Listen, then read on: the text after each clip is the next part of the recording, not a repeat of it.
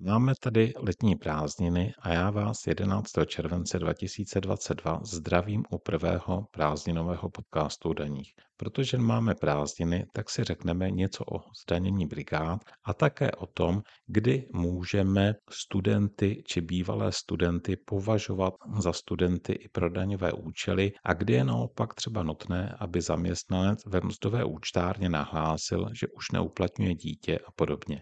Takže dnešním tématem budou prázdniny a daně, nejprve však jako vždy několik aktualit. Blíží se nám termín pro přiznání DPH za druhé čtvrtletí a pochopitelně i za červen. Tady bych chtěl připomenout, že stále platí generální pardon pro dopravce a třeba DPH za druhé kvartál mohou dopravci uhradit až do konce října a to bez úroku z prodlení. Mimochodem, úrok z prodlení je teď poměrně vysoký. V důsledku zvýšení reposazby Českou národní bankou na konci června na 7% nám v tomto pololetí činí daňový úrok z prodlení 15%. Pokud tedy někdo nemá na DPH a uhradí jej o čtvrt roku později, tak tomu musí připočítat úrok z prodlení téměř 4%. Současná výše úroku z prodlení 15% platí například i pro červnovou zálohu na daň z příjmu, kterou jsme měli splatnou 15. června. Pokud ji někdo ještě neuhradil, tak má od 1. července úročenou uvedenými 15% PA. Ale zpátky k DPH. Pokud někdo provozuje převážně dopravu a splňuje podmínky generálního pardonu, tak si může na DPH jakoby půjčit bezúročně, nebudou mu vyměřeny ty úroky z prodlení, o kterých jsem teď hovořil, ale aby tomu tak bylo, potřebuje pro tyto účely podat nejpozději s daňovým přiznáním příslušné oznámení o splnění podmínek generálního pardonu.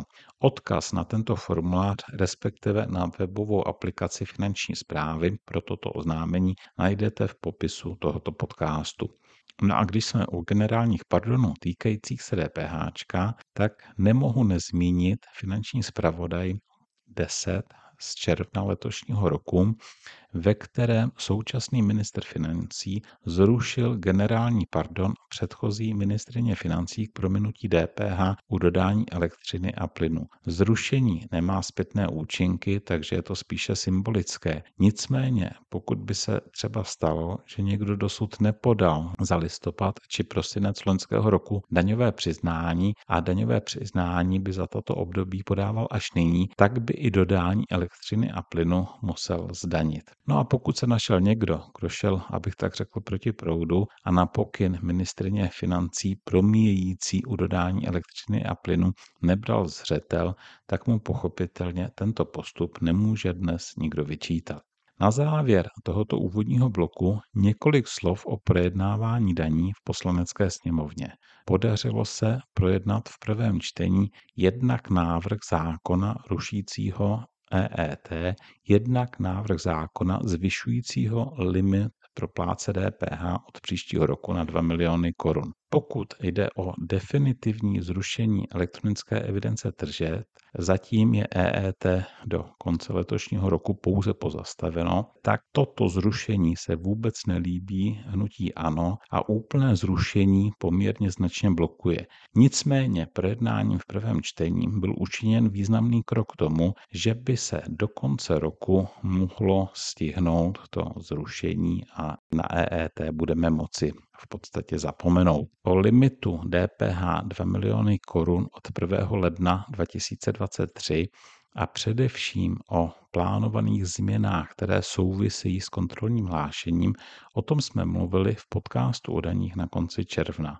Tady je v celku podpora a návrh zákona by mohl být projednán poměrně hladce a mohli bychom se dočkat třeba i toho, že bychom ten limit 2 miliony korun pro plácovství, pro povinné plácovství DPH měli tak říkajíc černý na bílém, tedy platně vyhlášený ve sbírce zákonu, eh, tak to by se mohlo stihnout třeba i do začátku listopadu.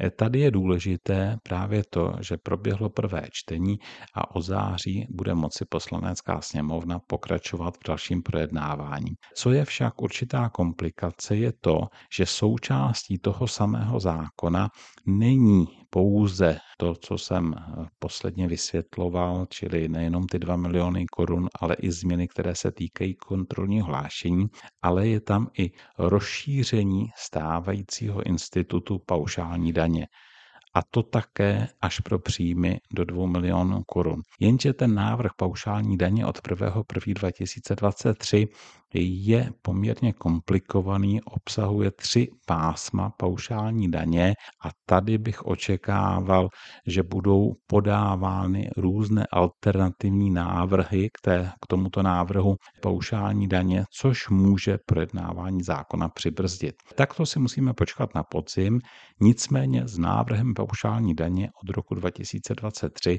vás určitě v některém z dalších prázdninových podcastů o daních seznámí bych nějak uzavřel ten limit pro plácovství k DPH, tak tento limit ve výši 2 miliony korun od 1.1.2023, to je téměř jisté, že k tomu dojde, ale zda to bude potvrzeno s nějakým větším předstihem, třeba na začátku listopadu, anebo až na samém konci roku, to se teprve uvidí.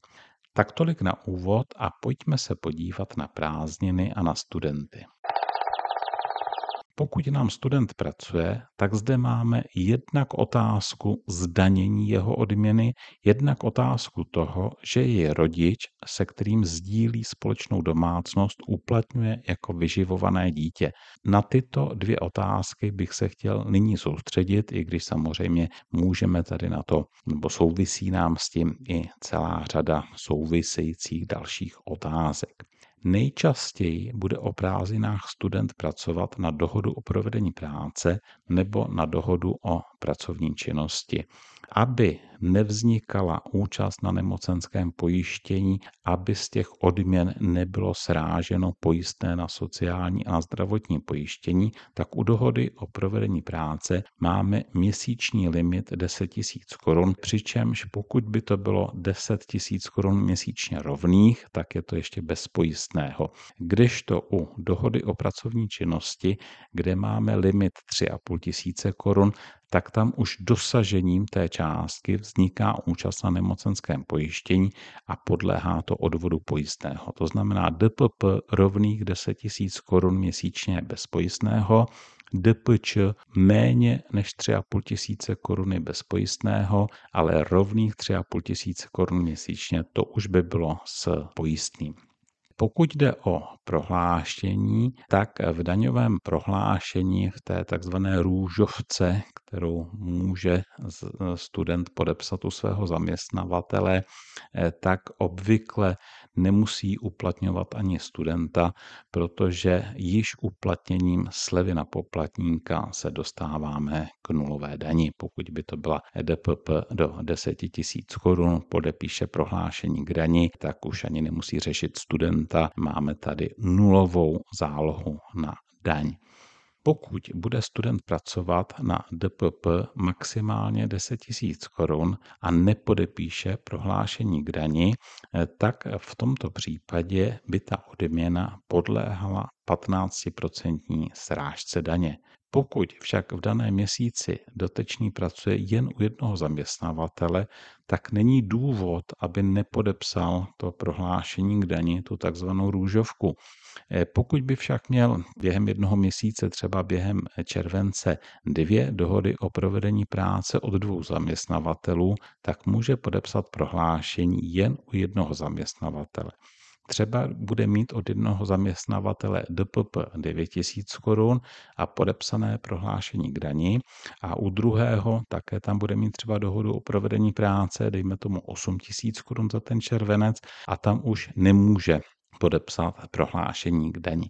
Čili v první zaměstnavatel mu bude formálně jakoby strhávat zálohu na daň, jenže z těch 10 tisíc korun podepsáním prohlášení k daní, uplatněním slevy na poplatníka, tady bude nulová záloha na daň z těch 9 tisíc korun. No a u toho druhého zaměstnavatele eh, tam má dohodu o provedení práce do 10 tisíc korun, 8 tisíc korun to má, čili bude mu tady sražena 15% srážková daň, tedy 1200 korun, 15% z 8000 korun.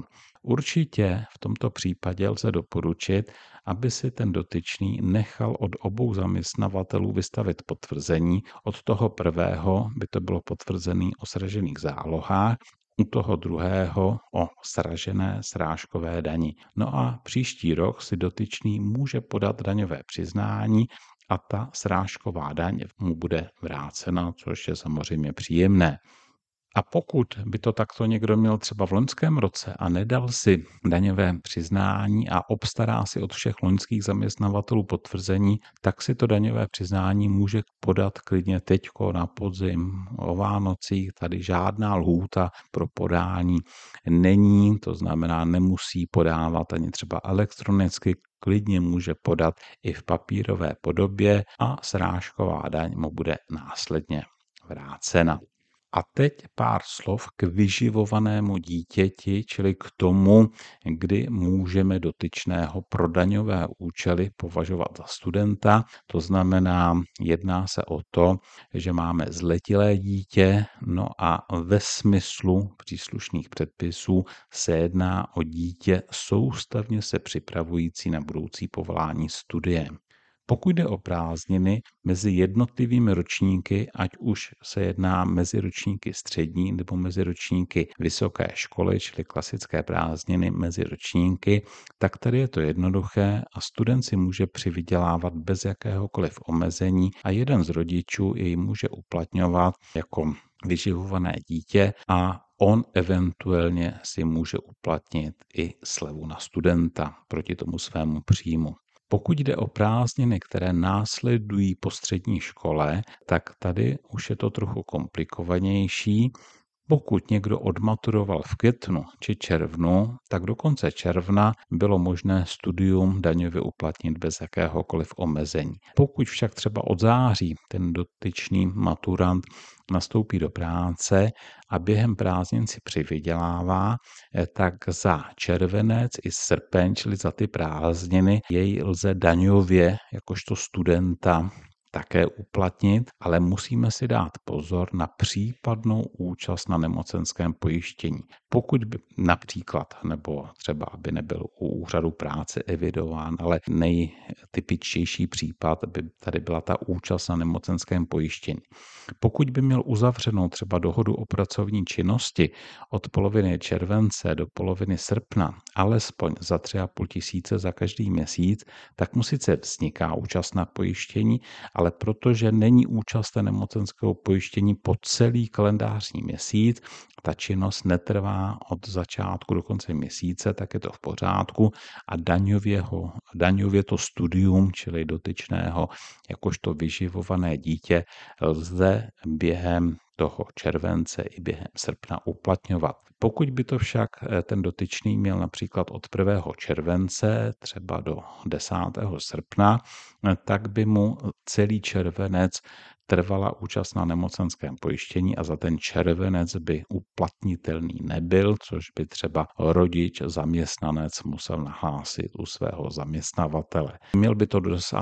srpna, za ten srpen by také třeba dosáhl účasti na nemocenském pojištění, ale činnost by netrvala celý srpen, takže srpen by byl z tohoto pohledu v pořádku a byl by platnitelný. Pokud nám student odmaturoval v květnu nebo v červnu, nebo třeba tu maturitu květnovou či červnovou nezvládl, eh, tak ho můžeme celý červenec, celý srpen považovat pro daňové účely za studenta, ale eh, musíme si dát pozor, aby tam ne celé ty měsíce, čili od 1. do posledního července nebo od 1. do 1. srpna, aby tam nevykonával činnost zakládající účast na nemocenském pojištění. Čili i když neodmaturoval, klidně může v červenci nebo v srpnu pracovat, klidně mu může vzniknout i účast na nemocenském pojištění, ale nesmí to být v těch jednotlivých měsících od 1. do posledního. To je, to je tady důležité. Pokud by celé prázdniny pracoval, tak by šlo uplatnit jako studenta jen za předpokladu, že mu tam nevznikne účast na nemocenském pojištění. Pracoval by u čtyř zaměstnavatelů, půlku července u jednoho zaměstnavatele na DPP do 10 tisíc, u druhého do 10 tisíc, půlku srpna u jednoho do 10 tisíc, půlku druhého do 10 tisíc, nevznikla by mu ani v jednom měsíci účast na nemocenském pojištění, tak byť pracoval celé prázdniny, tak by byl uplatnitelný jako student za oba dva ty měsíce. Říkám bez ohledu na to, jestli tu maturitu v květnu či červnu zvládl úspěšně nebo neúspěšně. Eh, pokud tam student odmaturoval a od podzima bude pokračovat na vysoké škole, tak v tomto případě eh, o těch prázdninách z hlediska výdělku žádné omezení nemáme. Tady si může přivydělávat i tak, že by celý měsíc si přivydělával a v tom měsíci by mu ta činnost založila účast na nemocenském pojištění. Potom tady máme ještě prázdniny po vysoké škole. Tady se bere ještě měsíc po úspěšném ukončení studia, ale zase jen za předpokladu, že celý měsíc nevykonával činnost zakládající účast na nemocenském pojištění podobné důvody. Eh, pokud tedy vysokoškolák úspěšně složil státnici, obhájil diplomku třeba v červnu, tak je zpravidla ještě celý červenec pro daňové účely. Studentem teprve od srpna je potřeba ho jakožto studenta už přestat uplatňovat.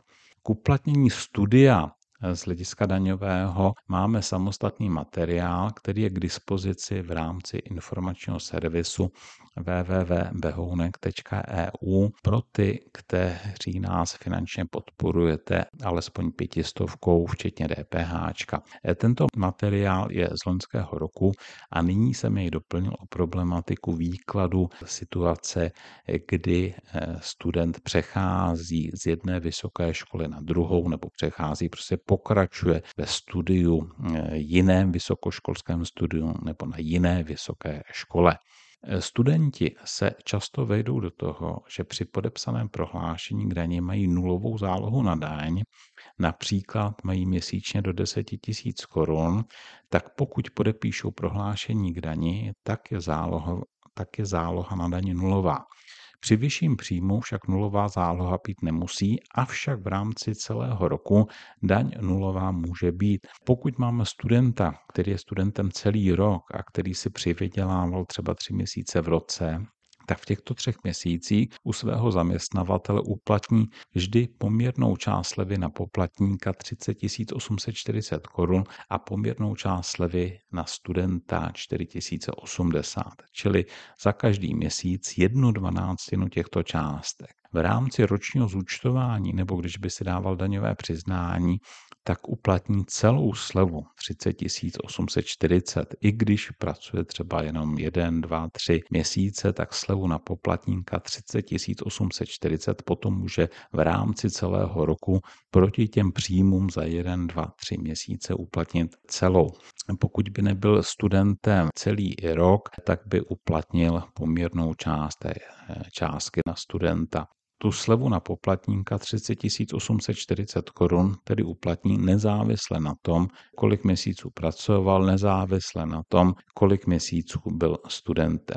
No a pokud by mu ta sleva na poplatníka 30 840 korun nestačila, tak celou částku slevy na studenta, čili těch 4080 korun, eh, také uplatní v rámci ročního zúčtování nebo v daňovém přiznání, nebo pokud by nestudoval celý rok, tak poměrnou část té slevy na studenta 4080 korun. Chtěl jsem právě zdůraznit, že nehraje roli, že pracuje jen několik měsíců, to na to, jak velkou slevu nebo kolik poměrných částí té příslušné slevy uplatní, to nemá roli. Slevu na poplatníka uplatní vždycky celou a slevu na studenta za ty měsíce, ve kterých studuje, nikoliv za ty měsíce, ve kterých pracuje. Tak tolik dnes několik prázdninových daňových poznámek. Pěkné prázdniny a za dva týdny to zrovna bude termín DPH naslyšenou.